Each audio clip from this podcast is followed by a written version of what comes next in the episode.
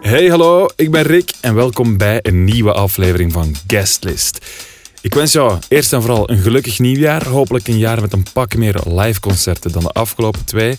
Maar wat wel zeker is, is dat je elke maand een aflevering krijgt van Guestlist hier in die podcast-app van jou. Dus voor het gemak kan je al even klik, hup, volgen en dan krijg je die aflevering sowieso binnen. En in deze aflevering gaan we eens kijken wat er allemaal klopt van die grote woorden. En dan bedoel ik de grote woorden van al die Belgische rappers. Want zijn we echt de beste van de beste, zoals dat die gasten elke keer zeggen. Kortom, de vraag van deze aflevering. Hoe is het gesteld met de Belgische hip-hop anno 2022? En dat vraag ik aan eh, producer Chucky Beats en DJ Marianne Catoir. Chucky Beats, dat is een eh, klinkende naam hier in het land met uh, landscode 32. Een getal dat niet voor niets op zijn hand staat getatoeëerd. Want met zijn label 32 Worldwide krijgt hij maar al te vaak de grootheden uit de Belgische scene in zijn studio. En met uitstapjes richting de Verenigde Staten en verder buiten ligt de wereld zo goed als aan de voeten van onze Chucky Beats. Marianne Catoir is trouwens ook al lang een gekende naam in de hip-hop scene.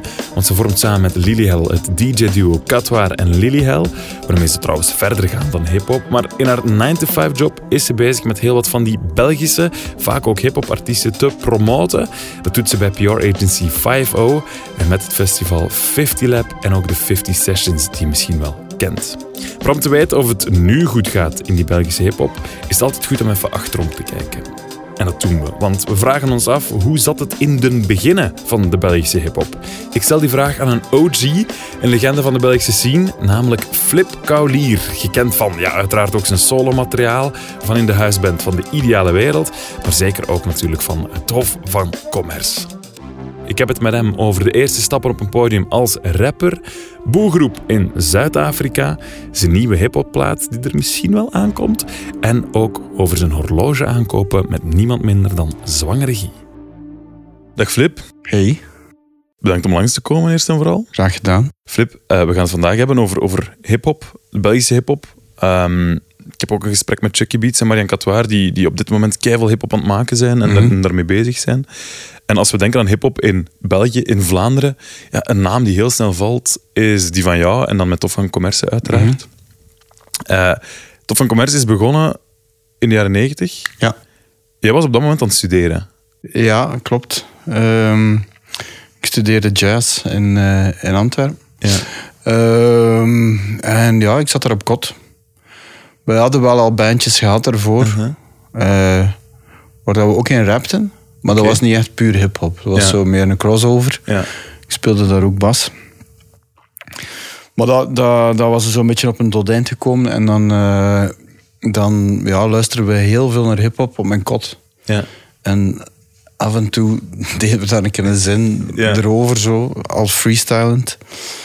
Totdat, totdat ik een keer dacht van, mijn, ehm, mijn kameraad die, waarmee dat ik op kot zat, die had zo'n groovebox. Mhm.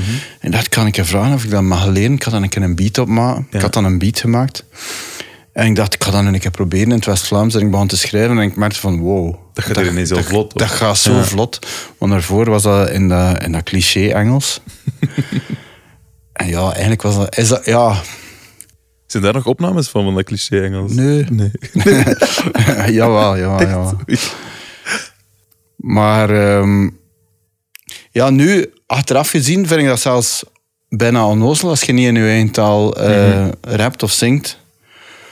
Langs de andere kant, dat is natuurlijk gewoon een keuze dat je maakt. Hè. Maar, maar als, ik, als ik dat in het West-Vlaams doe, voel ik wel van ja, Dat is zo, moet dat zijn. Ja, ja. Voor mij dan toch. En toen op kot, maar was dat niet per se een evidentie om dat in het West-Vlaams te doen dan? Wel, we kwamen gewoon, eh, we, wij waren een bandje, ja. Ik bedoel, wat was ik dan, 18, 19 jaar. En daarvoor, ja, ik was gewoon een puber in een bandje en wij waren aan het rappen in, in het Engels, zo van de Amerikaans Engels. En dat Ja. was heel stoer en al. Ja. Eh, niet dat Hof niet stoer was daarachter, maar zwart. dus ja, ik weet het niet. We hadden daar eigenlijk niet, niet echt bij stilgestaan. Maar, en, en als wij aan het zeven waren over die beats in het West-Vlaams, was dat effectief wel voor te lachen. Ja. Een keer dat we echt in band eh, begonnen zijn, was de grap er een beetje vanaf Ja. voor ons. Ah, ja. Maar ja, ik bedoel, de teksten waren niet altijd serieus, maar we bedoelden het wel serieus. Het was bedoel, wel serieus, je ging er wel staan. En, Ja, en- voilà. Ja, ja, ja. Wat voor dik muziek gooiden jullie dan op op kot? Welke, waren dat dan Amerikaanse rappers? Of was dat ook Nederlandstalige dingen uit, uit Nederland dan Ehm, of zo? Nee, nee, eigenlijk niet. Want, want op dat moment kende ik eigenlijk ook alleen maar uit Nederland, zo als Dorp Possie. Ja. Eh, misschien Extens. Ik weet niet of, of die in die periode ook al... Want die rapten ook in het Engels, hè? Op. Extens het, Ja. het ook in, in het Engels rapt, ja. Ja, nee, eh, waar luisterden wij naar? Eh, in die periode nogal veel Wu-Tang. Mhm. Maar ook wat, wat lichtere dingen, like The Far Side en zo. De La Soul vond ik eigenlijk ook heel leuk. Ehm, zo, ja... eh, niet, niet al te underground ook, denk ik. Ze. Ja, ja, maar het was dus wel echt op die... eh, de eerste teksten die jij bent beginnen schrijven, dat was waarschijnlijk echt op, op beats dan van De La Soul of van Foresight. Of Nee, van... het, het schrijven zelf was echt, was echt zo op die eerste beat dat ik zelf ah ja, die gemaakt ene had. beat, ja. die ene rhythmbox. Die Ja, en dan, dan ben ik blijven beats maken. Eh, eigenlijk altijd op geleend materiaal, omdat ik Ja. zelf niks had. Ja. Dat je nog steeds moet teruggeven? Of, eh, oh, wel, eh, ja. Jan Leijers heeft mij wel een keer onlangs gevraagd. Van, zei jij nou die four track? maar daar wist ik echt niks van. echt uit de jaren negentig nog? Ja, ja, ja. Maar eh, ja, dus, dus mijn broer had, had ook zo een keyboard en dat was een workstation. Je kon er zo wat drums in programmeren. Ja, ja. En dan later heb ik zo'n een goedkope geluidskaart gekocht voor, voor mijn ouders dus onder een pc te steken. En dan kon ik zo hele kleine samples pakken zo. Mhm. en, en dat dan programmeren. Maar ja, het was wel het was heel eh, DIY. Hè. De eerste plaat ook is echt zo... We waren overal eh, geweest eigenlijk met ons demootje. En, en bij BMG leek het zo wel wat te gaan lukken, maar Ja. dan toch uiteindelijk niet. Eh, van EMI eh, kreeg ik van een zekere ENR eh, het briefje klinkt geinig, maar hier kunnen we niks mee aan. Guus Fluit was het. Ja, ik had gezegd Guus Fluit. en en, enkel Luc Wageman van Kinky Star, die, die, die zei wauw, wauw, dat, vind ik, dat vind ik echt Ja. leuk. Maar Kinky Star, ja, dat was gewoon eigenlijk een kot boven een café. Ja. Dat was het label. Dus ja, eh, wij waren er zeer blij mee, maar we beseften eigenlijk niet dat dat niet per se iets wilde zijn. Nee, behalve nee. dat er iemand was die in ons geloofde. Maar ze hadden dan zo... Ze hadden, dat, eh, ze hadden dan een recorder gekocht, een, digi- een digitale recorder. Ja. En dat was ook in een of andere connectie met een Limburgse hippie, Quark genaamd. En eh, hij was dan bediener van dat toestel. Dat, ah ja, oké. Maar hij wist er ook niks van. en wij ook niet. Ja. Dus, dus ja, wij, wij gingen dan uiteindelijk ergens in een, in, in een kamertje boven topkopie in de overpoort in Gent. Ja. Hadden wij dan zo die bakken daar gezet. En wij wisten gewoon ja, dat we moesten op record duwen. Ja. De micro erin pluggen en beginnen. En dat was Dus het. het is eigenlijk heel veel geluk geweest dat die eerste track, zijn eerste album van, van Tof van Commerce er eigenlijk überhaupt gekomen is. Ja, en ook als je dat produ- productioneel, eh, als je daar naar luistert, dat Ja. klinkt eigenlijk heel slecht. Is goed Ben gedaan, vind ik. Op die, ja, ja, Ik ben voilà. er echt trots op. Het is Ja. goed gedaan. Je hebt daar een spirit in dat achteraf toch eh, ja, dat moeilijker was om nog te evenaren, vind ik zelfs. Maar ja, nee, dat, dat, goed klinken deed dat niet. Nee. maar ja, wij wisten ook wij wisten van niks. Nee. En dat was, dat was het strafste van al. Dat, dat, we deden dat dan. En dan zei Luc, bon, ik ga nu met, met dat singeltje naar Studio Brussel. En dan belde hij ons en zei, ja, ze gaan draaien. Vrijdag gaan ze draaien. En wij zo, what? En dan begon Ja. hij dat te draaien en dat was vertrok. Ja. Maar dat was toch wel met veel verbazing bij jullie. Enorm veel verbazing. Wij, wij waren daar eigenlijk... Als er al een doel was, eh, was dat eigenlijk gewoon om, om te gaan optreden. Omdat met die band ervoor hadden we optredens gedaan. Tot En dat was leuk, wat- dus, dat ja. was heel leuk. Maar dat viel wat stil. Ja. En dus dan hadden we het van commerce. Dan wouden wij gewoon eigenlijk een paar opnames doen om, om, eh, om te gaan optreden. Mhm. Dat dat dan opgepakt werd door Studio Brussel was, was echt een cadeau. Mhm. Was dat in het begin ook? Want als je dan live gaat optreden met die hip-hop, op dit moment is het zelfs nog soms heel moeilijk dat mensen verwachten dat daar een live band staat en dat daar iets meer gebeurt dan gewoon een DJ en een paar rappers. ik kan me voorstellen dat in de jaren 90 dat dat nog erger was. Hoe reageerden mensen op die eerste optredens? Wel, het allereerste optreden was, was, een, eh, was een soort rockconcours Ja. in Handzame. Ja. En Handzame had ook zo een bluesfestival. En, en dat was er een beetje mee gelinkt. Maar dus wij stonden daar en onze beats, dus Serge en ik, en onze beats werden afgespeeld eh, ja, van een cassette dat ik, dat ik van mijn vader meegepakt had. Dus bij het begin van het nummer duwde ik op play. En bij onze laatste jij de, de- duwde ik op stop. en ja, die mensen stonden daar echt te kijken van, wat is dit? Jullie zijn niet gewonnen. We waren de allerlaatste. maar we waren daar en daar waren dus allemaal bands aan het spelen die ons niet interesseerden. Dus we, ondertussen waren wij naar Kortrijk gegaan om, om daar op café te gaan. En dan later op de avond keerden we terug en we hoorden, ja, ja je zit de laatste. Maar we kregen toch nog 1600 Belgische frank. En wij hadden nog nooit zoveel geld gekregen om op te treden. Dus wij waren super content. Het is uiteindelijk wel een succes al bij al.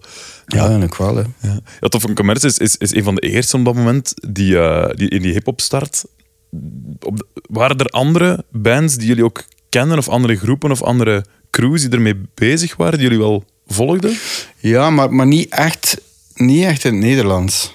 like, like, er was een link met Rhymecut Core, Grass en TLP. En dan hier in Brussel hadden we dan like, uh, en Puta Madre en zo. En daar was, wij kwamen wel op dezelfde plaatsen, op dezelfde plaatsen spelen. Maar om nu echt te zeggen dat er daar een soort eh, groepsgevoel was, niet, pff, niet echt. Alleen TLP en zo kenden wij wel, maar... Ja. Ehm, en in het Nederlands ja, had je effectief rond dezelfde periode ABN. Ja, Even ervoor had je Kia. Ik weet niet of je dat ja, nog ja kent.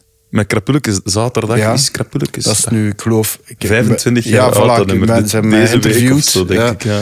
Daarover. Maar goed, ja, dat was eigenlijk meer een grap, denk ik. Ja. Maar voor de rest was er niks. Hè. Wiltura had ooit een keer in het West-Vlaamse gerapt. Ja. en ABN, ja, daar, daar had ik eigenlijk ook niet echt een connectie mee of zo. Er was zelfs in de pers aan sprake van een rivaliteit tussen Ja. Tof van Commerce en Ja, ABN. ja, hè? zeker. Dat was ontstaan in, eh, in TTT van Humo. Ja. En eigenlijk was dat gewoon fans van eh, ABN die zeiden van Awoe, fans van Taf van Commerce. En fans van Taf van Commerce die zeiden zelf Awoe. Dus dat was dat. Maar dat, dat liep wel eigenlijk zo wat uit de hand. Ja, ja, wanneer dat jij door het uit de hand liep. als, als, dat, als dat week na week vol stond. Bij Humo moeten die dat gigantisch grappig gevonden hebben. Dat er een band uit Isheim en een band uit Mechelen een, Ja. eh, een soort beef hadden. Naar eh, een Amerikaanse voorbeeld. Maar ja, dan heb ik een keer naar Quinten gebeld. Zo van, zeg, wat, wat is dat eigenlijk? En hij zei, eh, niks. Jullie neus aan neus hebben gestaan. En, eh, Maar nee, ja, hij zei ook van, ja, man, ja, niks eigenlijk. Het is grappig, want ik zag eh, afgelopen week Quinten van ABN, die Ja. postte een, een, een foto op Facebook. Ik weet niet of je dat gezien hebt. nee. En het was iets van, ja, diegenen die ooit getwijfeld hebben aan onze credibiliteit, hier, en dan was het een kopie van een boete van 7000 frank voor graffiti aan te brengen op treinen van de NMBS. dus dat was dan de street credibility wel van ABN. Maar dat was het wel een beetje zo. Ehm, wij hadden zo... Wij, wij kwamen uit Izehem, Serge en ik. En we hebben alle twee een gelukkige jeugd gehad. En we hebben voor niks moeten vechten. Ik bedoel, niet dat we van rijke Ja. afkomst komen, in tegendeel. Maar Dus geen goed recept voor hip-hop te gaan maken voilà. of zo. Maar we hadden ook geen goesting om daarover te zeveren. Ja. Terwijl dat ik niet echt het gevoel had dat dat zo anders was dan die man van ABN. Ja. Maar die deden dat dan wel. En dat vonden wij natuurlijk ook een beetje lachwekkend. Eh, ik heb ik ook ooit wel een keer op mijn telefoon eh, kot graffiti gezet. hè. maar ik ben gewoon zo stom niet geweest om het te laten pakken. Dat is Baaf, 20 jaar achter de kwestie. zijn nooit in... in- ja, inderdaad. Het was wel echt 20 jaar eh, na de kwestie, inderdaad.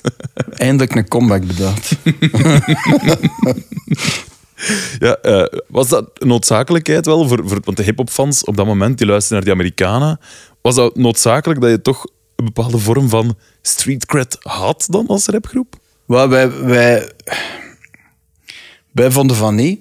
En dan was er effectief ook wel, ja, dan, was er, dan waren er in- inderdaad mensen uit de hip-hop die zeiden van, die zijn niet echt, dat is, dat is gewoon commercieel en al. En eigenlijk, als je dan naar onze tweede plaat luistert, die was veel stoerder en dat zal er wel mee te maken gehad hebben, zodat wij dachten van, ah ja, ja, Nu moeten we misschien moeten we wel wat serieuzer doen. ja. Man, die plaat, die tweede plaat, Herman, ik daag je uit, je moet er een keer naar luisteren. dat is echt iets heel speciaal. Dat is een hele rare trip. Weet Maar- je wat voor trip dat, dat was dat je die hebt opgenomen? Ja, we waren heel serieus, maar er was ook zo eh, heel psychedelische beats. eh, hele lange nummers, Ja. met super lange raps. Minieme refrein. Ja, gewoon, we wouden ons het like, bewijzen. En op zich is dat wel een, een eh, speciaal album. En ben ik Ja. blij dat we dat gemaakt hebben. Maar dan bij Rocky 7, als derde plaat, hadden we zo meer als een drive terug Ja. gevonden. Moet je een beetje zien, like Helmut Lotti, die zo onlangs dacht dat hij moest Nederlandstalige muziek maken, Ja. credibele Nederlandstalige ja. muziek, en dat hij dan geen pruik meer droeg. En nu is hij terug Helmut Lotti. Ik ben blij dat je dat je, je carrière aan het vergelijken bent met die van Helmut Lotti. Met plezier. Zijn er nog meer gelijkenissen die we nog niet hadden gezien? Maar ik denk dat we alle twee wel zo toppers zijn in ons, eh, in ons vak.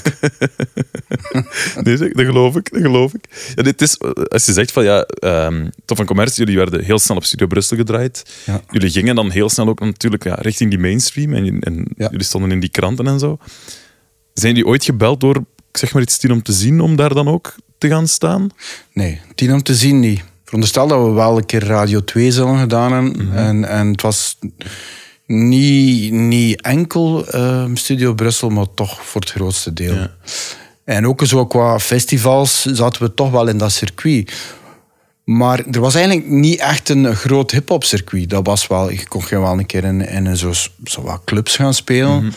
Op hip-hop feestjes, dat gebeurde wel. Maar wij speelden eigenlijk en echt wel redelijk snel op de, de typische Vlaamse festivals. Waar dat Gorky ook stond en de Mens. Dat was zo'n beetje eigenlijk de scene dat wij in stonden. En eigenlijk was dat prima. Ja. Wij zochten ook niet naar iets anders of zo. En die sound, want je zegt je hebt dan die Herman-plaat gemaakt. Zijn jullie daarna ook expres dan toch wel meer iets ja, mainstream, iets opener gegaan? Maar f- we we hebben nooit echt gedacht van oké, we gaan iets maken dat ze op de radio kunnen draaien. Maar, maar ik denk dat dat wel dichter bij ons lag dan proberen moeilijk te, te doen. Dat is, dat, is een, dat is een val dat, dat er nog wel mensen in trappen, denk ik. Eh, je moet gewoon doen wat, dat, allee, wat dat je nu hebt. Zo. Ja. En, ehm, Ja, want zo begin 2000 denk ik dat je ook wel die discussie had dan van de R&B-sounds die erin slopen. Ja. Dus, en dat was dan, ja, nee, daar moest je van afblijven. Ja, of-. Want dat was dan de commerciële viezigheid. Hebben jullie ooit de verleiding gevoeld, de, de lokroep eh, van, van de R&B? Maar ik denk dat er invloeden van R&B in het afzetten zeker. Ja, bedoel, wij gingen ook naar die feestjes en zo. Dus allee, ja, dan, dan was dat misschien, dan ging dan aan nozel geweest zijn om dat te ontkennen. Ik vond dat er een toffe ding tussen zaten.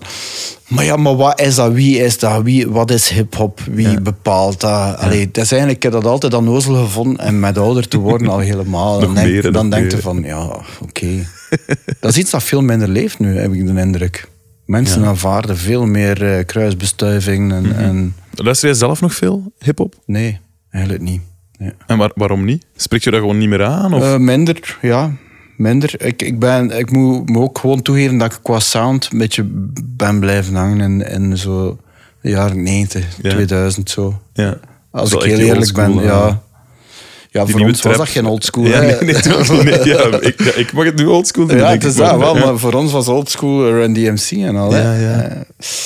Maar inderdaad, ja, eh, ik hoor heel graag boom bap, eh, zo wat, wat ruwe gesampelde beats. Ja. Het, het iets modernere trapachtige, dat, dat is eigenlijk niet, niet echt aan mij besteed. Ja. Maar werd er dan ook vanuit die puristen, zoals dat je de jazz-puristen hebt, de hip-hop-puristen, ook wel gekeken van, ja, maar ja, het is maar dat? Zeker, ja. Maar, en als je dat te, ho- te horen krijgt, dan, dan, dan raakt u dat wel. Maar als je daar dan achteraf over nadenkt, wie zijn dat? Allee, Ik bedoel, dat betekent niks. Nee. Maar natuurlijk, ja, kritiek, dat krijg je niet graag. Maar Nee. toen dat ik solo begonnen ben, dat was pas iets. Want dan ineens was het, was het met mijn gitaar en ik, ik zong liedjes over de liefde en al. Ho, ho. Dan waren die puristen nog, eh, Ah, ja. nog meer ge- ge- geaffronteerd. Ik weet nog een, eh, een recensie in P-magazine van de laatste plaat voor mijn solowerk. Daar stond één nummer op, Ge- Gele Stilo. En dat was echt zo... Wij op een, op een vaag moment dat we zo mijn gitaar hadden gepakt en zo een onnozel Neil Young-achtig liedje dan gespeeld. We maakten altijd onnozele liedjes voor tussen onze nummers bij het Hof. In, in die recensies van, van P-magazine stond er... We hopen dat dit geen voorbode is voor de solovaart van Flip Collier die er staat aan te komen. Dan dacht ik van, oei. Sorry. Jullie hebben heel veel festivals gedaan, in, in België sowieso. Mhm. En als je dan Wikipedia er ook bij neemt, staat er ook altijd en Nederland bij. Ja. Hoe was jullie ontvangst in, in Nederland? Als een eh, exotische heven. Hè. Mensen van, also van, wauw, wat is dit? Ehm, dat was wel leuk. Ehm, wij speelden daar zo ja, zaakjes van 200, 300 man. En Maar wel met mensen die speciaal voor jullie kwamen. ja, Ja. Ja. Maar alleen we braken daar ook geen potten of zo. Maar we- dat hadden, wij, dat hadden we wel, ehm, dat, dat we er altijd voor gingen. Zo, ehm, ik, ik zag vaak bands en, en ook Amerikaanse bands die naar hier kwamen en die eigenlijk zo'n lame show gaven. En wij stonden altijd van voor op het podium, zo echt zo. En dat kwam altijd wel over, ook als de mensen er niks van verstonden. Want ja, als dat een criteria was, dan, dan hadden ze ons vijf kilometer van onze geboorteplek al niet meer eh, gekend. Dus dat speelde sowieso geen rol. Maar ook daar zijn we niet echt in, in een of ander hip-hop scene terechtgekomen of zo. We hebben met Hof ooit een keer in Frankrijk gespeeld. Eén keer. Allee, als je niet Studio Brussel trips meerekent Ja. naar de Alpen en zo. Ja. Hebben we één keer in eh L'Aéronef gespeeld in Lille. En dat was op een hip-hop festival. En daar stonden in de zaal, dat was zo'n zaal, like dat hier, het café, het AB Café, van grootte, heel klein. Er stond een man of acht, Ja. zo te kijken, armen gekruist. En na het eerste nummer stopten wij. Dat was ook iets dat niet alle bands hadden toen. Heel, heel veel bands deden eigenlijk gewoon beat achter beat, zonder stops ertussen. Ja, ja. Zo, eh, dus wij stopten en er gebeurde niks. Die man bleef gewoon zo staan. Zo. Er was geen applaus, er was geen awoe, er was niks. Dan was ik zo van, fuck, waar zijn, waar zijn wij hier terechtgekomen? Maar hoe? Doorgegaan? Doorgegaan. Een ander voorbeeld was, eh, we speelden met Hoffe op Oppie Koppie Festival in Pretoria in Zuid-Afrika. Oké. En de band voor ons was een hele, hele bekende eh, Afrikaanse, Zuid-Afrikaanse hip-hop band op dat moment. Allee, ik zeg dat omdat, er, omdat die zaal bomvol stond. Ja. Ik weet niet meer wie dat was. Maar in ieder geval, die gasten zeiden eh, voor ons optreden, terwijl het publiek echt heel wild was: hip-hop is black music. And all you white motherfuckers trying to steal our music, get the fuck out. En het publiek zo. "Ah." En wij stonden daar zo backstage. Fuck, wat moeten wij doen? Wat moeten wij doen? Maar ja, het was aan ons. En wij, ik, ik, mijn kameraad Peter de Sage was mee. Ik zei, wat moeten wij doen? En hij zei niks. Gewoon op het podium gaan en zei good evening Pretoria en gaat ervoor. En dat hebben we gedaan en dat was een, een groot succes. Er is wel, ik moet zeggen, er is een kwart van het publiek weggegaan. Ah ja, wel. toch, ja. Ja. Maar de rest, die zongen zelfs mee met Kom maar rap en al. Na, na, na, na, na, na, na. Dat was fantastisch. Ja, beestig. beestig. Maar ja, goed, er zijn momenten ja, dat, je, dat je moet sterk blijven. Hè. Ja, Of, ja. ja, jullie hebben, eh, denk ik wel, met, met Tof van Commerce een grote invloed gehad op eh, de hip-hop scene en op, op, op rappers van nu, denk ik ook. eh, die, die Tof van Commerce wel echt als referentie zien. ja, Zwangere Guy die heeft ook al gezegd dat Tof van Commerce wel een invloed had, omdat dat de eerste aanrakingen met die hip-hop was. Als jij zoiets leest, dat iemand als Zwangere Guy, die op dit moment ja, een van de grootste is in België, dat die Tof van Commerce daar even bij is met als invloed, hoe, hoe doe je jou dat voelen? Ik, ben, ik ben heel fier als mensen dat zeggen. Sowieso. Ja, en, en ja, zwangere hier like dat gezegd, eh, een van of de grootste, denk ik, nu op het moment. eh, Nederlandstalig België. Dus ja, ja, ik vind dat heel leuk. Ja, er is zo een, een zin van Tof van Commerce die heel erg vaak... eh zeg een keer hoe laat het is. Hè? Die wordt er, denk ik waarschijnlijk regelmatig naar jouw hoofd gegooid ook. Eh, hoe vaak vragen mensen laat het is? eigenlijk? Het is minder aan vroeger, maar ja, ik, ik hoor het wel nog een keer. Ja. Trouwens, een van de meest gestelde vragen aan mij is, eh, ook na mijn solo-optredens en zo, of als mensen met tegenkomen van, ah, ga je nog iets met Hof doen? Ah ja. Ja, dat is, dat is echt ongelooflijk. Hoeveel mensen dat dat blijkbaar toen geraakt heeft. Dat zagen wij ook in 2018, hebben we zo'n soort 20 jaar Ja. reunietour gedaan. En dat verkocht uit in, Ja. in, in kwestie van minuten ja. soms. En wat voor mensen stonden er dan in de zaal? Wel, eh, generatiegenoten, maar met hun kinderen. Ah ja. En heel vaak ook kinderen die, die, die de teksten kennen. Wat dat heel aandoenlijk was. ja. Dat, allee, dat je dacht van wauw, dat is op een of andere manier vader of moeder, Ja. zoon en dochter doorgegeven. Ja, Zo, wauw. Ja. Waarom dat ik naar die eh, zeg een keer laat het is refereer, is omdat... ehm, je hebt het ook al gezegd in interviews, denk ik. Hè? Je hebt iets met klokken. Ja, En ik weet dat Zwangere Guy ook wel eens naar jou eh, belt in verband met eh uurwerk. hè. ja we zijn alle twee zot. ja, wij, ja, we zijn alle twee gek eh, op uurwerken. Ja. Dat, dat wist ik toen natuurlijk nog niet, hè, als ik die zaak een keer het schreef. maar ik, ik weet wel in mijn jeugd dat ik ook al een soort fascinatie had met, met, met uurwerken. En dat waren natuurlijk Swatch en Casios. Ja. En dan, ja, zo een tien jaar geleden is dat bij mij terug eh, ja, aangewakkerd. ja, Ja, ja. En, en ik ben daar iedere dag mee bezig. En hij ondertussen ook, vrees ik. En hoe, hoe, hoe zit dat tussen jullie twee dan als het over uurwerken gaat? Oh, wij, wij sturen altijd op Instagram foto's. eh, de dag gezien, de dag gezien. Die horloge, die horloge, Ja, ja, echt. ja, van de week is er zo'n een, een, eh, limited edition eh Patek Philippe 5711 uitgekomen in dat kleur. Ja, echt letterlijk baaf. Ik heb hem, ik heb hem ook eh, geïntroduceerd aan, aan wat mensen en, en eh, ja, hij is vertrokken. Ze. Eh, dat, dat, als die microbe u bijt, dan... eh, Ja, en dat gaat ook over veel geld, neem ik aan, toch, zo'n horloge? Dat- Dat, dat zijn geen swatchjes meer, hè? Dat zijn geen swatchjes meer. Al, alhoewel, dat ik moet zeggen, in mijn geval, dat ik nog even eh, Seiko of Swatch of G-Shock verzamel. Dus Mhm. Dus als we binnenkort Zwangere Guy met een eh horloge zien rondlopen, dan heb jij daar toch een aandeel in? eh, misschien wel, ja. ja. Nee, nee, dat snap ik. Jullie laatste album, want Of Commerce, is nu inderdaad van, van, van 2012. Ehm, en je krijgt dan die vraag van, komt er nog iets, komt er nog iets? Je zegt, ik luister geen hip-hop meer. Wil dat dan ook zeggen dat je ook echt totaal niet meer eh, voeling hebt? Of dat je goesting meer hebt om zoiets te maken? Nee. nee, dat wil dat niet zijn. Maar het is wel zo, moest ik dat doen, dat zou moeten op mijn manier zijn. En dat ik niet kan... Dat ik niet moet proberen om te, om te klinken like zwangere Guy bijvoorbeeld. Ja. Snap je? Dat zou raar zijn. Ja, Als ik het zou doen, dan zou het boombap zijn, denk echt ik. wel terug die, die sounds, ja. Ja. Ik maak nog altijd beats trouwens. Echt? Ja. Ja, nee, ja, ja. Ik, vind dat, ik vind dat gewoon super leuk om te doen. En ik luister ook wel. Ik, eh, die Griselda dat vind ik fantastisch.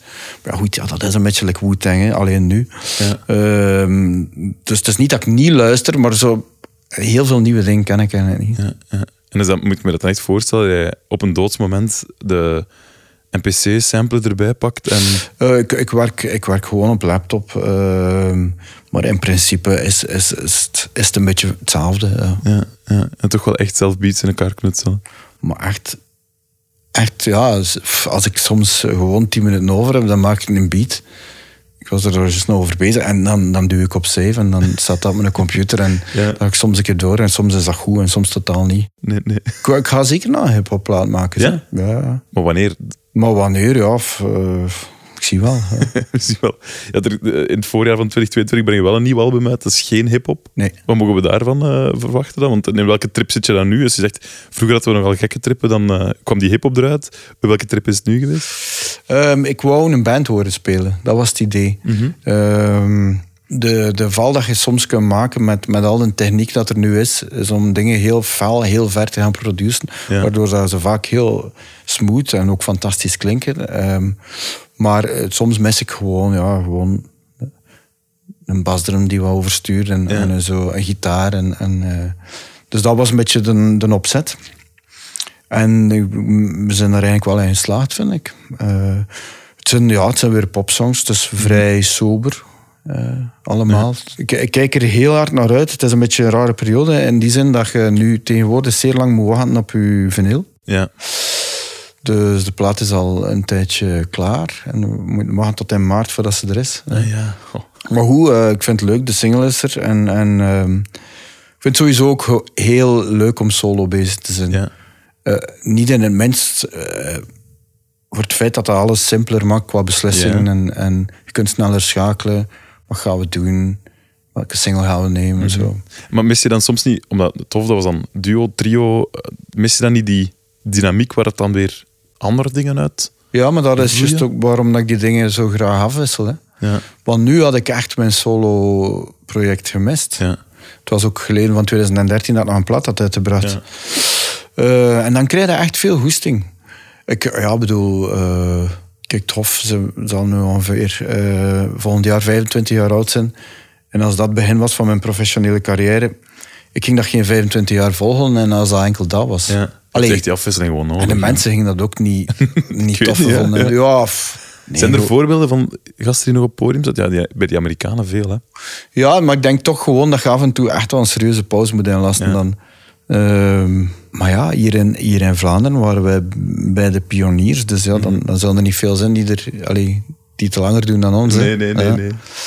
Ik zei dat wel graag een keer zo tegen die mannelijke uh, zwangerie. Dat wij de eerste waren. Niet dat dat iets betekent. Hij huilt dan gewoon meestal.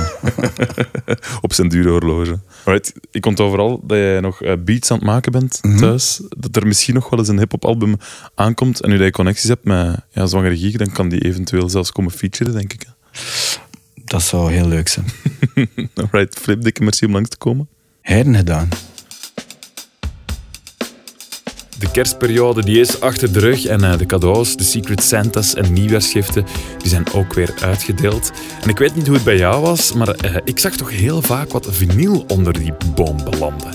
Muziek op plaat is weer hipper dan ooit. Er is in 2021 trouwens meer vinyl verkocht dan in alle 30 jaren daarvoor. Maar is dat zwarte goud de hype wel waard? Ik vraag het aan Koen Galle. Hij is freelance journalist, labelbaas en DJ onder de naam Kong.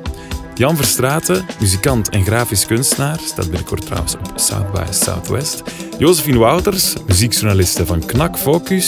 En Renaat van de Papelieren, de man achter het label RNS Records. Ik belde hen op met de vraag: vinyl, overrated of underrated?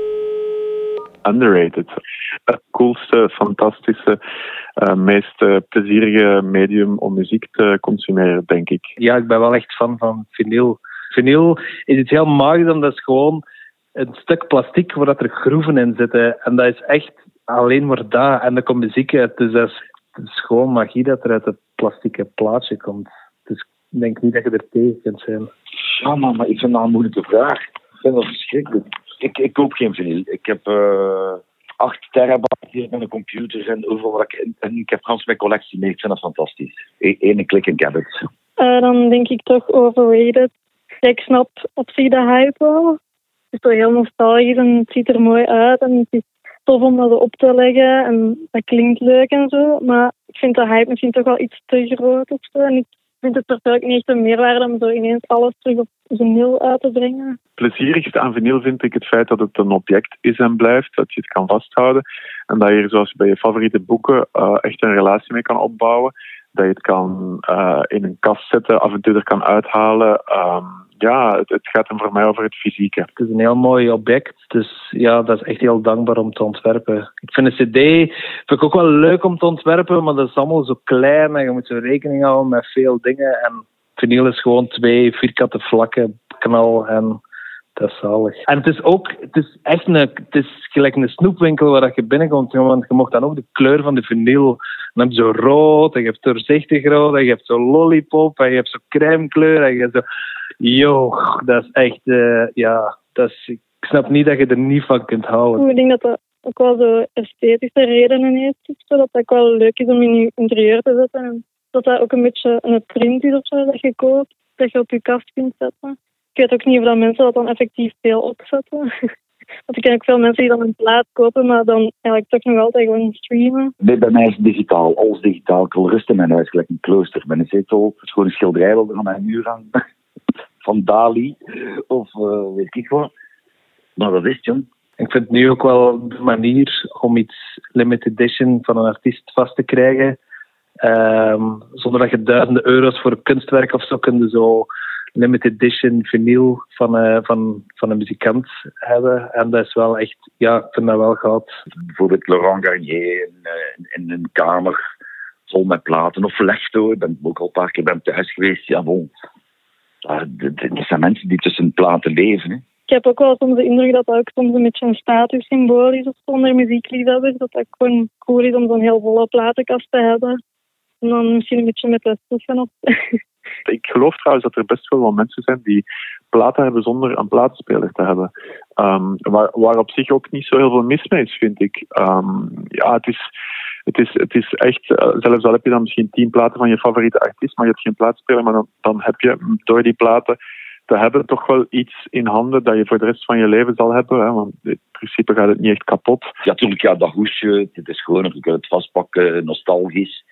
Ehm, dat snap ik allemaal wel. Enfin, ik heb er ook niks op tegen, hè.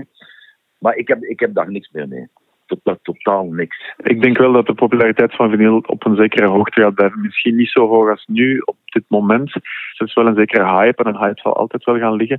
Maar ehm, we leven in zulke digitale wereld, eh, en je ziet dat ook met boeken, dat er toch nog altijd een drang is om een relatie te onderhouden met een fysiek object. Omdat alles wat in de digitale sfeer zit, voelt ook wel heel vluchtig. En daar hebben we denk ik als, als muziekconsument dan toch een andere relatie mee dan met, ehm, met fysieke objecten. Ik zei het jou daarnet al, die Chucky Beats die is dus naam aan het maken als producer over zowat heel de wereld. Maar hij is natuurlijk begonnen hier in België. Hoewel, je gaat het straks horen, dat is niet helemaal waar. Hij is eigenlijk doorgebroken op YouTube, waar hij tutorials maakte om te produceren en ook heel veel beats dropte die je dan heel makkelijk kon licensen. Maar alsnog dus een man met een hart voor de Belgische scene, want intussen nodigde heel erg vaak veel Belgen uit bij hem in de studio in Brussel om muziek te maken. En Marianne Catoir die is dankzij haar job dag in dag uit bezig met het uitbouwen van carrières, vaak carrières van jong Belgisch talent met een pak ambitie. Maar is het enkel die ambitie die je doet slagen in de hip-hop? En is die hip-hop, die Belgische hip-hop, eigenlijk wel zo groot als dat we telkens zeggen en denken? Ik heb het met hen over de Belgische sound, het probleem van de grote media, produceren voor Kanye West en de afwezigheid van vrouwen in de hip-hop. Dag Marianne, dag Chucky. Hey. Dag Rick. Merci om langs te komen vandaag. We gaan het hebben over uh, de Belgische hip-hop, over de staat van de Belgische hip-hop, hoe dat er op dit moment aan toe gaat.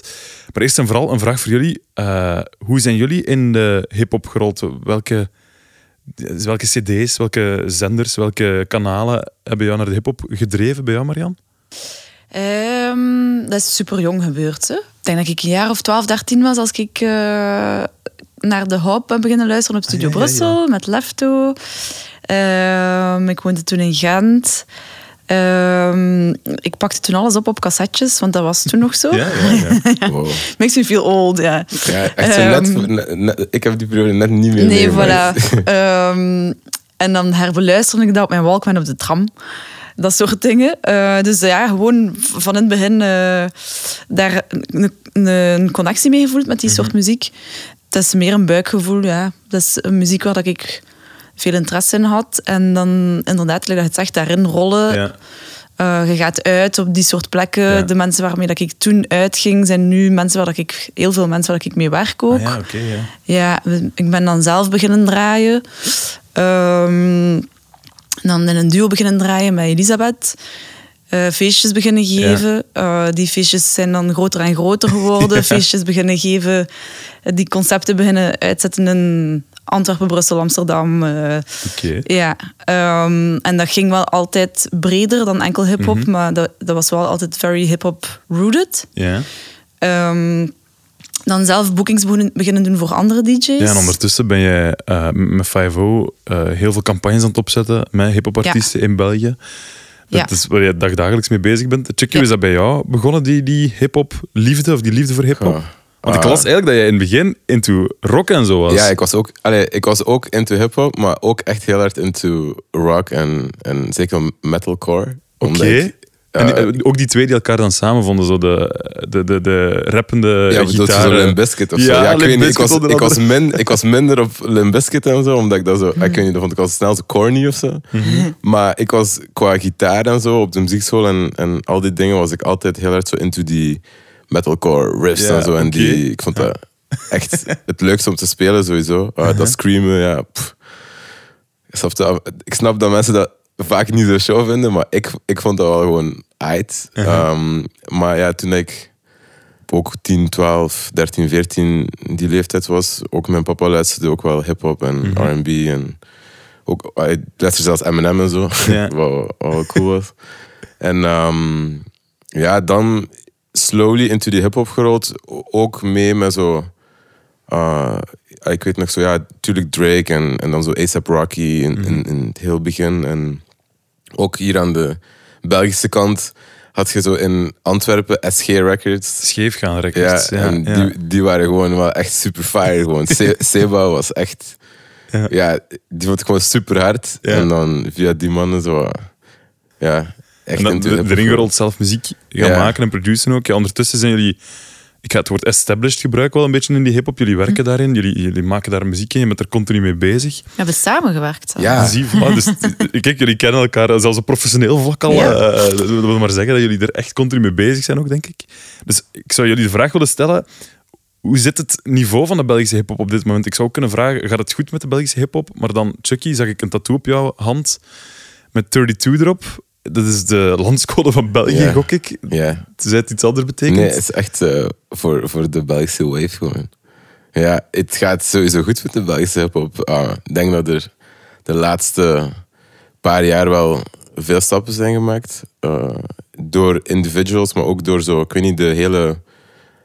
Ja, ik, ik vind dat woord scene altijd wel zo'n cringe woord, van de scene. Maar de hele scene is wel zo veel meer connected en samen en iedereen weet what's going on. Eh, eh, je hebt ook, ja, je hebt Top Notch, je hebt ons die, ah, zeker dan aan de Vlaamse kant, Ja. die, die, die veel werk doen, zwangere regie, die echt naar een, die nieuwe levels heeft bereikt als Vlaamstalige rapper of zo. Aan de Franse kant was dat natuurlijk al iets meer Ja.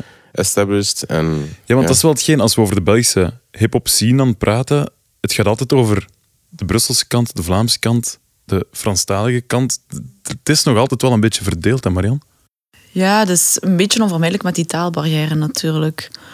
Maar Ehm, ik heb wel het gevoel dat... het- veel veranderd, ja. Ja, ja. Buiten vroeger, eh, ik denk dat ik misschien eh, twee groepen kende uit eh, Frans. helemaal in het begin, als, als ik veel jonger was. ja. Dan kwam eh, ja, de grootste naam zal Sarflam geweest zijn en al de rest was echt een vage grijze zone. Eh, men kijkt ook vooral naar het buitenland. Eh, ik denk dat het begonnen is met eerst meer en meer na- in- naar eigen land te kijken en dan binnen dat eigen land over de taalgrens te gaan kijken. Dat is nu nog maar net sinds een paar jaar echt eh, Ja, het is pas bezig. nu dat er inderdaad Franstalige hip-hop op de Nederlandstalige radio komt. Vice versa weet ik nog niet of dat, dat heel veel aan het gebeuren is. op Dat dit moment. gebeurt wel, dat gebeurt wel. Af en toe inderdaad Ja. zijn er wel, wel ook voor samenwerkingen ondertussen Voilà, ook wel. ja. Maar jij zegt meteen, het is ook echt aan het gebeuren, die, die connectie die is aan het komen. Hoe zie Ja. jij dat? Ja, ik zie dat heel hard in zo... Ook bijvoorbeeld eh, ikzelf en nog andere figuren eh, zijn daar wel eh, een soort van key figuren in of zo. Ik denk dat ik ook... Ik ben van Lokeren, ik heb dan in Gent gewoond. En door mijn move naar Brussel heb ik wel heel hard die connectie te beginnen bouwen. Ben ik die connectie beginnen te bouwen met ook met artiesten van Brussel. En heb, heb ik gelinkt met Brusselse beatmakers en producers en dan ook artiesten. En zo zijn uiteindelijk zo de artiesten met wie dat ik werkte in Gent allemaal, bijvoorbeeld Kid, Young Mavu, whatever, die van allemaal verschillende steden in Vlaanderen zijn, zijn die ook mee in Brussel beginnen zien van, ah oké, eh, Gecko, Frenetiek, eh YG Pablo en, en, en die zijn allemaal samen... eh, allee, die komen elkaar allemaal nu wel tegen in de studio nu, bijvoorbeeld bij mij of, of op ja, andere plaatsen. Ja. Zo.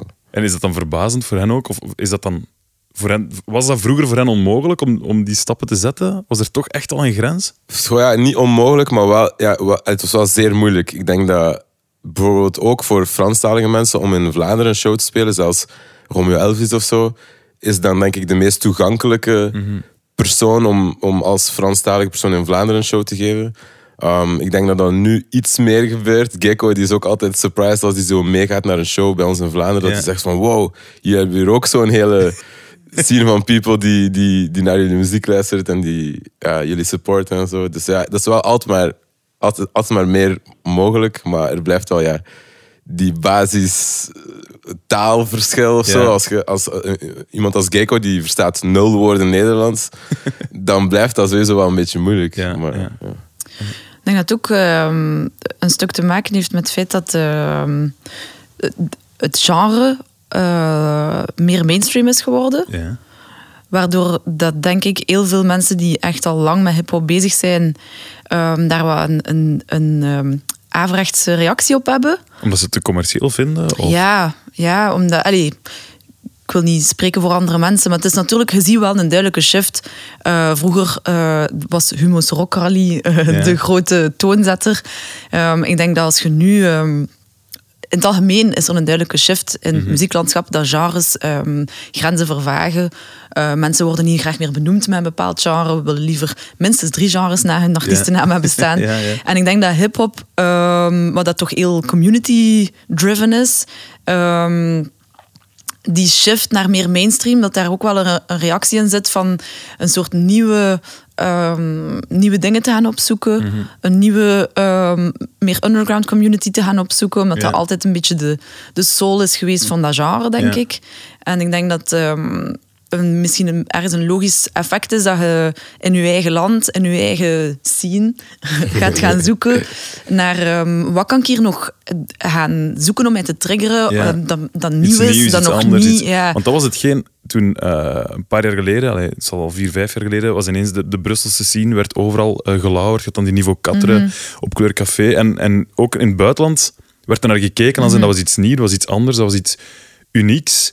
Hebben die unieke sound weten te bewaren? Want als jij zegt, het is iets commercieel aan het gaan, gaat dat dan ook niet vaak gepaard met dan soms dat iets meer internationaal gaat klinken, dan daarom net iets minder Belgisch? Of... Het is te zien bij wie. Hè. Ik wil ook niet zeggen dat alle hip-hop op dit moment commercieel is. Zeker nee, nee, niet. daar wil ik je ook niet op pakken, dat Nee, geloof ik. Maar ik zeg het er maar bij. Ehm, denk dat we sowieso in eender welk genre in België wel een beetje een, een, een specifieke sound hebben. Mhm. En dat die shift globaal nu, waarbij dat je ziet dat genres ehm, veel meer eh, fluider aan het worden Mhm. zijn, dat België, dat, dat ligt ons eigenlijk supergoed. Mhm. Want wij zijn een zeer klein land en wij waren eigenlijk al heel fluide in onze approach van muziek.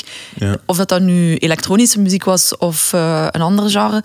Ik vind dat e- wel redelijk eigen aan België. Mhm. Ze gaan altijd en uit eigen bodem en ook mega veel Ja. rond ons gaan kijken. En, en Ah, ja, ja. wij passen ons gemakkelijk aan. Ik denk dat dat te maken heeft met ons cultuur, ons geschiedenis en, en, en ons Dat we altijd geografische heel veel invloed hebben, hebben gehad of hebben gekend Ja. en die gewoon binnen te trekken. Want zie jij dat in de studio? Want jij werkt ondertussen ook wel in het buitenland af en toe. Je gaat soms producer-sessies doen, in, doen in, in, in de States en zo Ja. ook.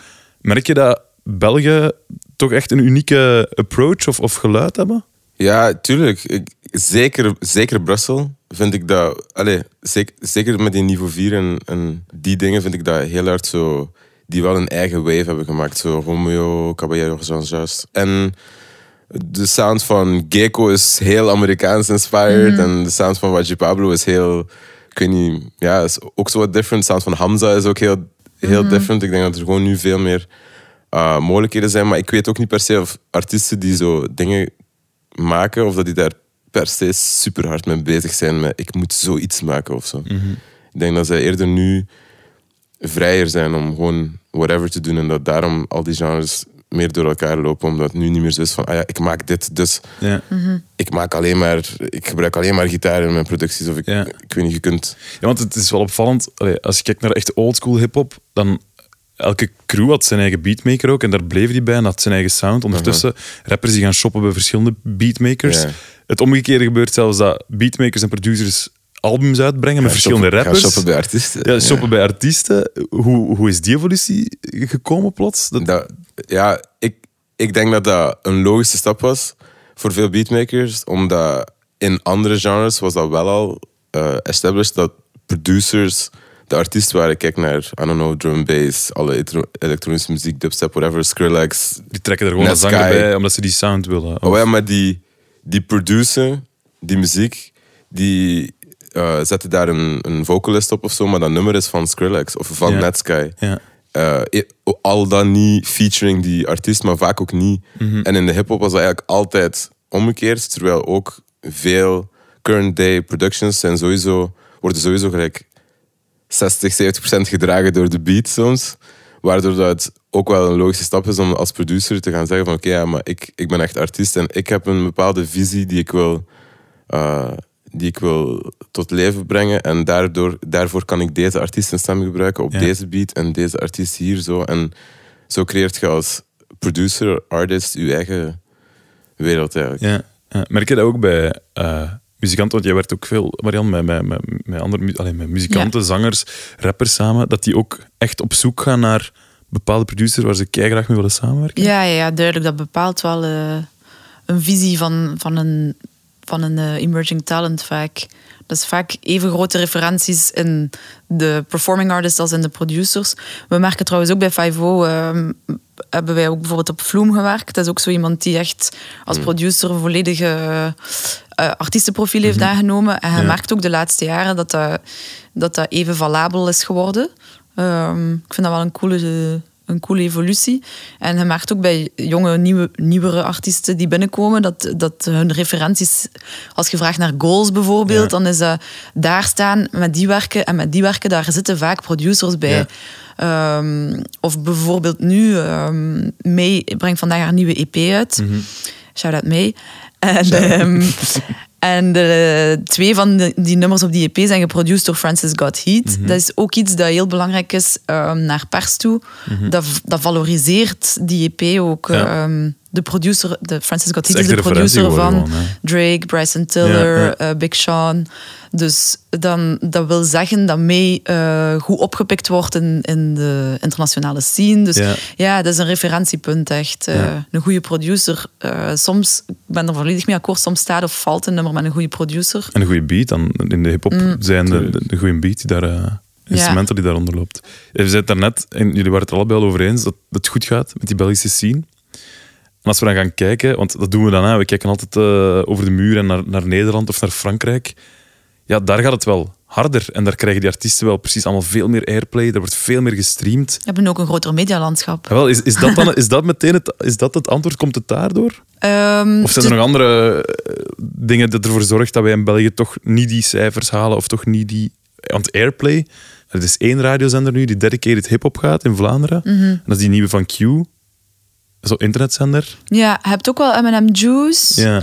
die ook wel eh, ja, vaker... het, het blijft in België, ehm, ik weet niet wat dat is. Ik geloof niet dat dat is de. Allez, niet alle mensen in België, maar veel van de est- established media of whatever, die zijn gelijk voor een of andere reden heel conservatief of zo. Heb ik het gevoel, waardoor dat niemand gelijk echt zo die stap maakt om dat dan echt eens te doen. Iedereen, die zijn allemaal zo van ja, we starten dan een hip-hop zender, maar we een internetradio. Of zo, het is, of zo we doen MM uh, Urbanize, maar dat is wel donderdagavond om tien uur. Eh, Zo, snap je? Niemand zet zo de stap om echt mainstream te gaan. Of, Ja. of, of hip-hop artiesten mainstream aandacht te geven. Of we zijn. Ik weet niet, ik, ik heb het gevoel dat er zo met een bepaalde blik vanuit bepaalde, vanuit bepaalde ins- instanties of whatever gekeken wordt naar hip-hop. Ja. Zo kun je ook dat ding dat er was gebeurd met dat Damso dan opeens niet het EK-lied mocht doen of whatever. Zo. Ja. Dus die dingen, ik weet niet, ja. Maar dat ging eerder over zijn uitspraken, denk ik, dan over zijn muziek. Ja, ik weet, maar ja, het is wel zo.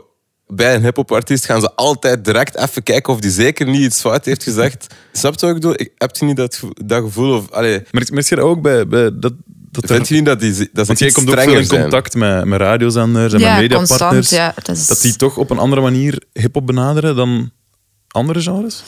Ehm, ik zou daar even over moeten nadenken. Ehm, dat, is zo, dat is geen ja of nee vraag, denk ik. Dat is, dat is niet zo zwart-wit. Je hebt echt eh, platformen die, dat, die hele coole playlists samenstellen, die dan misschien niet de nation- grote nationale zenders zijn, maar die, waarvan dat ik echt denk, wauw, elke week krijg je die playlists binnen van wat er gekozen is. En dat, er, dat ik elke week denk, dit is nice ehm, en heel divers. Je hebt dan platformen die con- veel conservatiever zijn, inderdaad.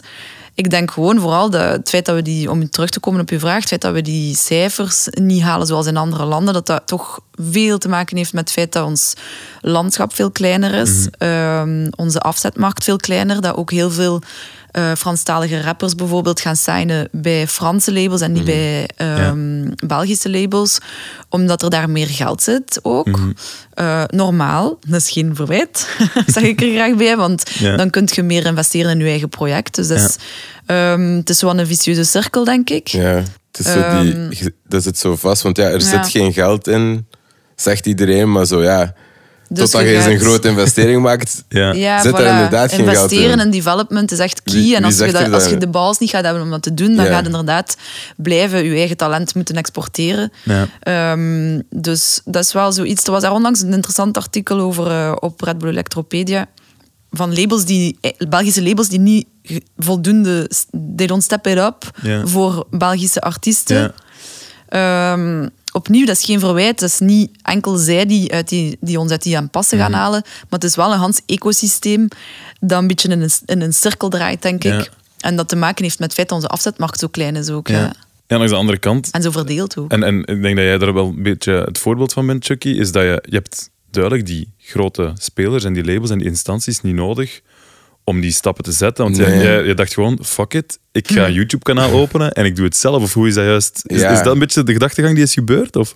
ja, niet zo, totaal niet uit zo'n gevoel van, ah, fuck it, dan doe ik het wel zelf. Maar, maar gewoon van, ja, dat was gewoon fun to do. Ik heb zin om dat te doen. En Ja. ja. en ja, eerder van daaruit. En dan is dat zo gegroeid, maar nog steeds is België zelfs maar een klein aandeel van mijn Kan, YouTube-audience. je- of kan je zo. er cijfers, zie je dat? Ja, Weet je België dat? is misschien ja, 3, 4 procent of zo. Allee, echt. Dus van alle mensen die jouw beats en jouw tutorials checken, ja, is dat is 3, 4 4 procent. Amerika gewoon. Ah ja. Ja, ik weet niet. Ik denk ook, om nog eh, aan te vullen bij wat jij zei, ehm, het heeft ook al wel lang volgens mij gelegen aan het niveau van de muziek gewoon.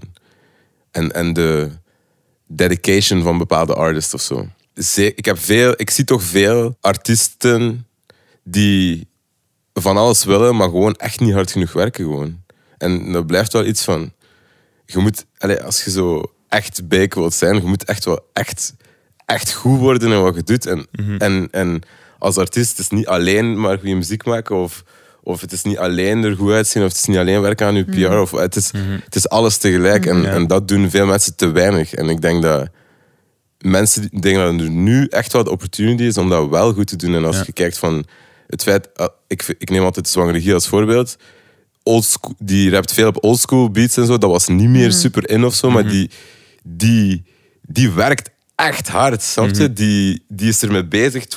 24-7 is die Zwangere Guy. Die is, Ja. niet, die is niet Zwangere Guy in de avond en het weekend. Nee, die is altijd Zwangere Ja. Guy. En dat is what it takes to be an artist. Snap je? Ja. En ik denk dat veel mensen daar zo net niet toe komen of zo. Om terug te komen op, op, op wat jij doet met die YouTube-dingen. Want ik blijf er wel even aan hangen dat je zegt van er is zo weinig in België. Dat gaat zo internationaal. Merk je dat je pas in eh, België dan ook dat respect en dat aanzien kreeg toen ze door hadden dat je internationaal dingen aan Ja het doen dat, was? ja, dat sowieso, maar gebeurt wel, dat gebeurt wel vaker in, in België. Dat is zo de typische story van België, gewoon van blow up somewhere else. En dan hier zo, ah. En dan pas hier applaus. Ja. Maar uiteindelijk, ja, uiteindelijk is het ook wel een good thing of zo. Van, ja, je, je, je kunt op die manier België echt wel zo op de map zetten. En, Mhm. en, en van, allee, ik vind dat wij sowieso een zeer, zeer unieke eh, background hebben en een unieke story to tell. Zeker als je naar andere plaatsen gaat. Als ik Mhm. in, in, in New York ben of in LA of whatever. Oh, you're from Belgium? Like, dat, is- van, wow, that's, that's two hours away from Amsterdam and from Paris. dat, dat is gewoon, ja, we zitten Ja. wel echt op een unieke positie. En, en, en Amsterdam en Parijs zijn wel echt gigantische internationale... En totaal anders ook. ja, super different. Ja. En we zitten daar gewoon tussen. Dus ik, vind, ik hou wel van onze Ja. positie of zo. Mhm. Ja, je zegt net, je maakt vaak uitstappen ook. Allee, je gaat ook echt op zoek om, om te gaan samenwerken met internationale artiesten. Ja. Waar ligt jouw ambitie op dit moment? Op dit moment, goh, er zijn al verschillende dingen die ik wil doen. Ik wil gewoon internationaal zoveel mogelijk eh, leuk, gewoon inspiring people ontmoeten, daarmee werken, leuke projecten maken. En eh, ja, gewoon, dat is altijd een droom van mij geweest om overal eh, in de wereld te kunnen gaan en, en, en muziek te maken met verschillende mensen. Dus eh, Het is niet dat jij... Want je hebt dat eens gezegd in, in een interview ook, hè, dat je beats zou willen gaan maken voor Drake onder andere. Je sprak net al, dat is een van de eerste geweest waar jij mee into de hip-hop bent beland. Ja. Is dat nog steeds een droom? ja, kan je sowieso. Kan je? Drake, denk ik, ja, dat is. Allee, who doesn't want a placement with Drake? Maar ik ben niet per se zo van, ah, ik wil alleen maar gewoon beats maken elke dag en zoveel mogelijk placements halen. Zo, na, da- na een tijd wordt dat zo machinewerk, die beats maken. En dan voel ik me niet meer inspired. En ik weet niet, dus dat is niet per se een goal van mij om zoveel mogelijk placements te halen. Het is eerder om zo, zo vrij mogelijk te zijn door muziek.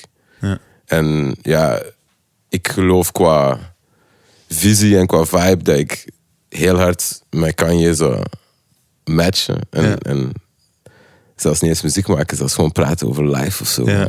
ja. Maar eh, ja. Het, is, het is een droom, ja, ik snap het. Want, maar is, het, is dat een haalbare droom? Want Ja. er, is, er is een Be- Alex Lustig, de, de beatmaker, Ja. die ook in, nu in Canada woont, denk ik zelf. Mhm. Die heeft nu op de laatste plaats van Drake ja. een beat gehad. Die had, ook, een, eh, die had de melody gemaakt, denk Ja. ik. Eh, die had ook... ehm, die had eerst Justin Bieber geplaatst, denk ik, via, Ja. eh, via Splice. Dat is een eh, website waar je samples kunt eh, maken. En die Mhm. Alex Lucy die maakt echt heel, heel mooie samples. En iedereen kan die samples kopen. En Mhm. zo was, denk ik, die eerste sample op Bij Justin Bieber zijn album ja. geraakt. En dan... Dus het is wel echt, er, er is wel echt een, een mogelijkheid. Het is niet Tuurlijk, dat die droom ook... onhaalbaar is. Allee, ik ben zeker internationaal gezien ben ik echt wel al vrij established. Like in, in de US kan ik echt wel bijna elke studio binnenlopen en iedereen weet wel, ah ja, Chucky. Omdat Mhm. ik in die internetproducer eh, wereld ben ik echt gewoon een van de biggest Mhm. names. Dus ik, heb, ik zit wel redelijk ver in die... In, in Amerika snappen ze dat ook allemaal iets Ja. meer. Zo welke value dat dat eigenlijk heeft. Ja, Zo de- het bereik dat ik heb. En, Ja. en ja, dus ja, dat is zeker niet, zeker niet onrealistisch. Niet zo van, ik ga morgen kan je bellen, maar allee, het kan ook gewoon random gebeuren. Net zoals Ja. ik in, in LA was en opeens krijg ik bericht van J.R. Rodham, die Mhm. heeft eh, pretty much alles van Ayaz en, en, en 50 Cent en, en eh, Justin Timberlake en whatever geproduced. Ja. En die stuurde mij ook gewoon omdat hij mijn YouTube-channel had gezien, Ja. snap je? Dus je weet nooit eigenlijk wie dat er watching is of zo. Dat is ook wel inderdaad een factor dat super hard meespeelt in die evolutie van Belgische hip-hop, internet. Ja, internet Basically, alles is mogelijk, maar dat maakt ook wel.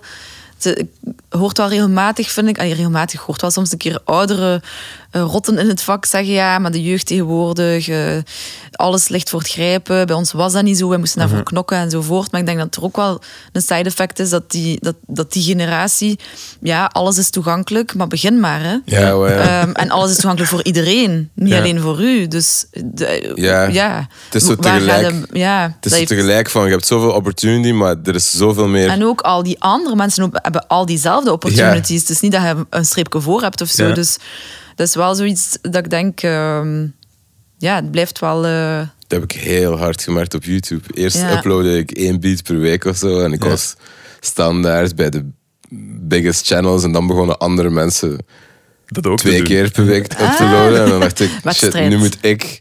eh, Eén keer per dag. Drie keer. En dan heb ik echt een twee jaar of zo om de twee dagen echt Ja. een beat gepost. Maar dan dacht ik van ja, even genoeg gehad van Maar het heeft wel effect gehad, die twee Ja, jaar. ja, sowieso. Ja. Ik, ben niet normaal gegroeid en ik was echt bij, bij de biggest beat selling uh, type beats channels op YouTube. Maar na twee jaar.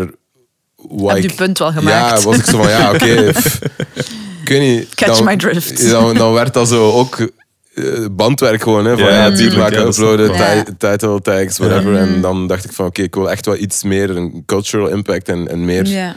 real songs en art maken. En dan ben ik veel meer in België ook beginnen eh, werken met mensen. En ook eh 32 Worldwide gestart, mijn label, met Jong Mavu. En, Marian, het is een een vraag die ik aan jou ga stellen. Maar het is nog steeds zo in de hip-hop. En je kijkt naar de nominaties in de Mia's, onder andere, om er te zeggen. Het zijn allemaal mannen, precies. Hè? ja. Ja, daar is nog veel werk. En, maar we- want ondertussen, ik denk dat we dat ook wel weten, maar worden daar stappen in gezet? Ga- denk jij dat er namen zijn die het gaan waarmaken in de toekomst, waar het gaat gebeuren? Gaat, ik weet het niet. Ik voel wel dat daar echt nog ehm, veel werk is. Om maar iets te zeggen, wij organiseren ook normaal gezien in normale tijden elke maand een 50 session. Ja. Wij organiseren jaarlijks 50 Lab, een showcase festival hier in Brussel. Met veel jonge artiesten. Veel jonge artiesten, maar eh, behind the scenes is dat ultra belangrijk voor ons dat wij ehm, een gelijk affiche hebben.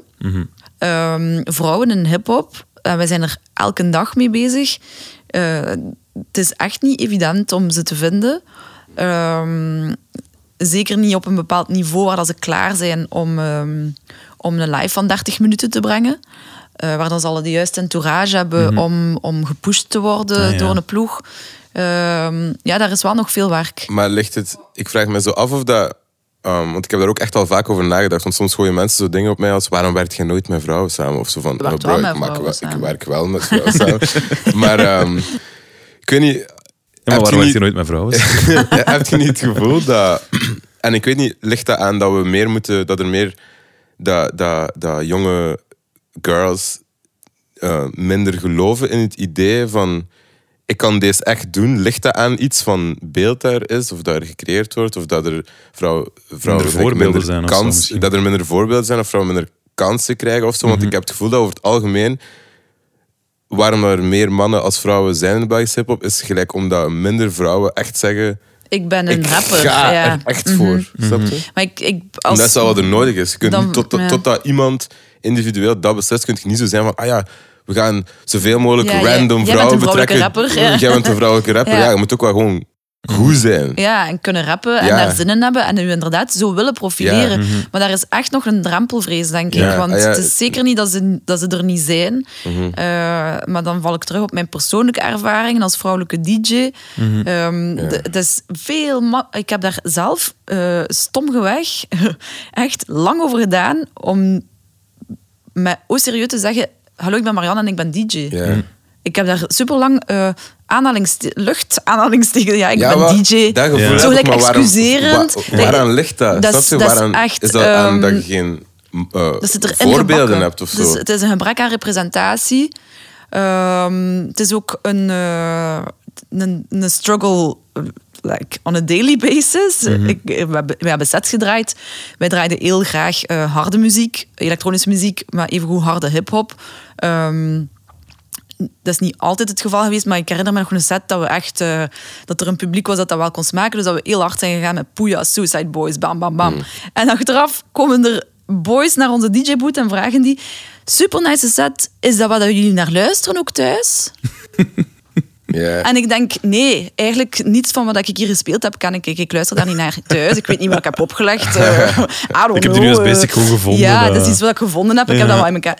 Snap je? Jezus, Dus ja. daar, daar zit wel. En dat is, dat is zonder slechte intentie, maar dat, is de, dat zit zo. Mhm. ehm, ja, ik ga nu een beladen woord gebruiken, maar zo in microagressies ook. Ja, ja, ja. Waardoor dat ik denk dat jonge meisjes die rappen er heel lang over doen om te durven zeggen: Ik ben een jong meisje en ik rap. Fuck Ja. it, ik sta hier en ik Ja. doe dit zo. Ja. Terwijl dat er echt wel, we hebben op 50 Labs Diner gehad, die uit Wallonië komt. Ehm, ja, supergoed.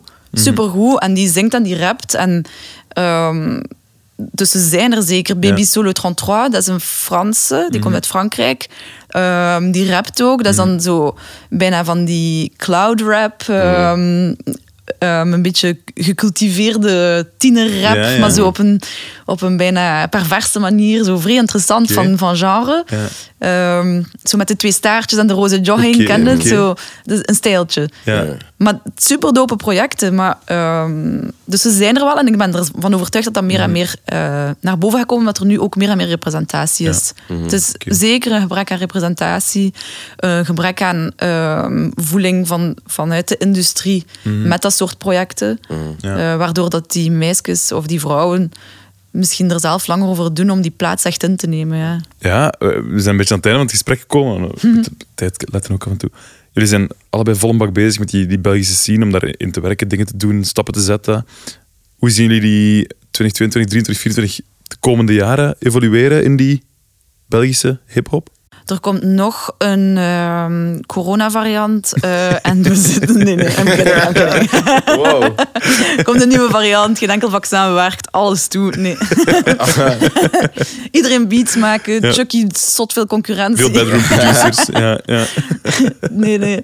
I'm super excited eigenlijk voor hetgeen dat eraan zit te komen. Mhm. Eh, net door hetgeen dat we nu aan het meemaken zijn, denk ik dat mensen eh, echt honger hebben om, om uit een kot te komen, letterlijk, figuurlijk, om mensen om, om nieuwe ervaringen op te zoeken, Mhm. om, om zichzelf uit te dagen. Dus ik denk dat ik ben wel super benieuwd om te zien wat voor eh, wat die sociale toestand, wat voor impact dat gaat hebben op, op het artistieke Ja, da- Leven daar ben de ik komende echt al de hele tijd over aan nadenken. Van, zo, ik weet niet, het, ik heb echt de hele tijd zoiets van, ik wil het gevoel van punk opnieuw kunnen pakken, want dat is echt het gevoel dat, dat er nu Dat er is hangt. of zo. Snap je?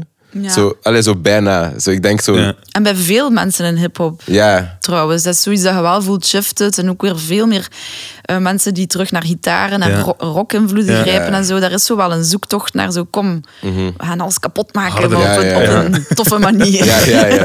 Dus België Dus- komt eh, harder in de toekomst. Dat is een Ik beetje denk de het samenvatting wel. dan. Ik Ja. denk Harder. het wel. Ja, nog harder. En it's the, and it's the, it's the, it's gonna come from, uh, ik denk, bedroom. Type of artist. Artists dat outfigure hoe dat ze thuis op een kamer een beat of een Mhm. beat moeten maken, een beat moeten kopen, zelf opnemen. Uh, Want, allee, dat is echt, als je ziet in Amerika of whatever, zijn er nu, er zijn TikTok-songs die number one gaan, die Ja. op hun phone zijn opgenomen. Of Ja. zo, snap je? Zo, van, zo die mobiele creativity is echt wat er nog meer Ja. eh aan Ja, zo een fuck it mentaliteit Ja. die ook Ja. wel vrij interessant kan Ja. zijn als dat dan Fuck it, ik doe het naar- zelf. En als het hard gaat, dan gaat het hard. Ja, Oké, voilà. Kijk goed. Alright. Marianne, Chucky, dikke merci om langs te komen. Thank you. Graag gedaan. En veel succes met alle komende projecten. Dank je wel.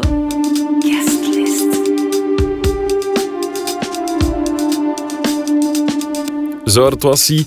De eerste aflevering van 2022 van Guestlist podcast van de AB, waar jij zo net naar geluisterd hebt natuurlijk. En als jij de volgende aflevering in februari ook meteen wil binnenkrijgen, wel, klik dan even op volgen in jouw podcast-app. Je kan trouwens ook sterren achterlaten in Spotify of op Apple Podcast. Gaat tegenwoordig allemaal. Dus als jij dit een leuke podcast vond, dan stel ik jou voor dat je ehm, ja, vijf sterren geeft in die app van jou. De volgende aflevering die zit hier dus in eh, februari in je podcast-app. En die gaat over de Belgische muziek, maar voornamelijk over de sound of the Belgian underground. Want hopelijk gaan we daar weer kunnen dansen en feesten op een pak Belgische muziek samen met de mensen van Subculture en de AB.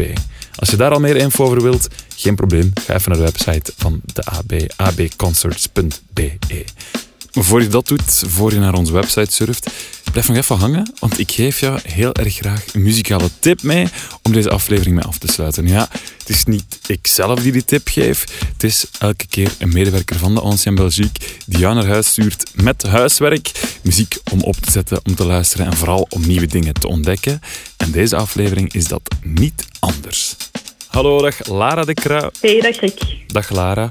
Lara, jij werkt in de AB, of allee, ja, daar ga ik alleszins van uit, want ik bel je op het einde van de aflevering en dan wil dat zeggen dat je in onze muziek werkt natuurlijk. Wat doe je juist bij de AB, Lara? Ik versterk momenteel het eh, ticketing en customer service team. Oké, dat, dat is een lange zin. Eh, versterken van het ticketing en customer team. Wat doe jij specifiek dag in dag uit voor de AB? Het is momenteel heel veel vragen beantwoorden van klanten via mail. En dan ook eh, minder leuk natuurlijk nu, veel concerten verzetten en annuleren. En zorgen dat op de website alles juist te zien staat. Oeh, amai. Dus ik denk dat jij... Allee, ik vind het als bezoeker al moeilijk om het bos door de bomen te zien. Heb jij nog een beetje een overzicht van hoe dat allemaal gepland wordt? Goh, dat wordt steeds moeilijker, want het wordt steeds verder vooruit verschoven. Omdat ja, de agenda is steeds voller aan het worden. Dus Mhm. alles schuift bijna al naar, naar binnen twee jaar, hè, 2023. Mhm. Dus ja, het is moeilijk soms om inderdaad het bos door de bomen te zien en ja, de hoop erin te houden dat er dingen echt Ja, gaan ja. doorgaan op de datum dat ze gepland zijn. Dat snap ik, dat snap ik. Ja, eh, Lara, als je dan heel de tijd in contact staat met de bezoekers van de AB, wat is zo wat het gekste van mail of van vragen die je al hebt zien binnenkomen? Af en toe krijgen wij een mail die duidelijk niet voor ons bestemd was. We hebben een keer een mailtje gekregen van zo twee eh, middelbare studenten en dat was gewoon een hele spreekdeur biologie. En dan stond daarbij van, mogen we hier feedback over alsjeblieft? En ik had nog getwijfeld om dat te doen, maar daar ken ik niet genoeg van. Wauw, ik, ik, oh, at en alsnog spreekbeurten doorsturen. Die gasten, ik denk dat die Ja. gebuist waren. Ja, ja, ja. Lara, ik bel jou uiteraard ook omdat jij de podcast mag afsluiten met een muzikale tip. Wie, wat eh, heb jij meegenomen? Eh, ik geef de tip Joy Crooks mee. Eh, Joy Crooks, oké. Ja, Joy Crooks, een zangeres uit Zuid-Londen. Maar ik denk dat haar roots in Bangladesh liggen.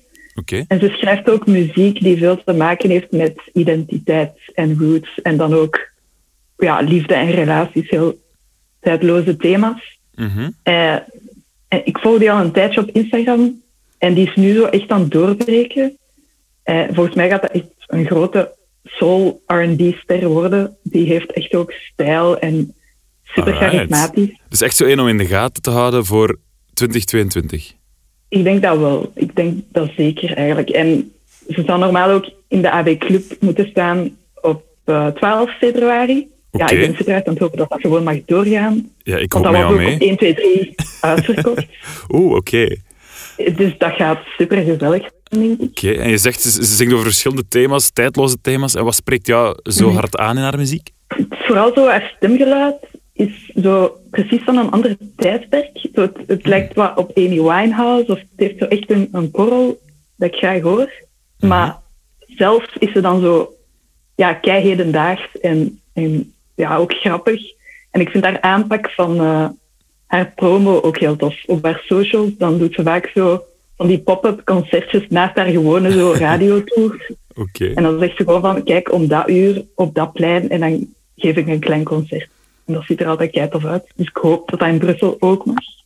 Nee, inderdaad, dan moeten we het in de gaten houden. Ik, ik hoor, ik hoor het, we moeten twee dingen doen. We moeten haar sowieso beginnen volgen op eh, Instagram, Ja. die Joy Crooks. En Ja. we moeten haar plaatsen meteen opgooien, want het is jouw tip voor 2022.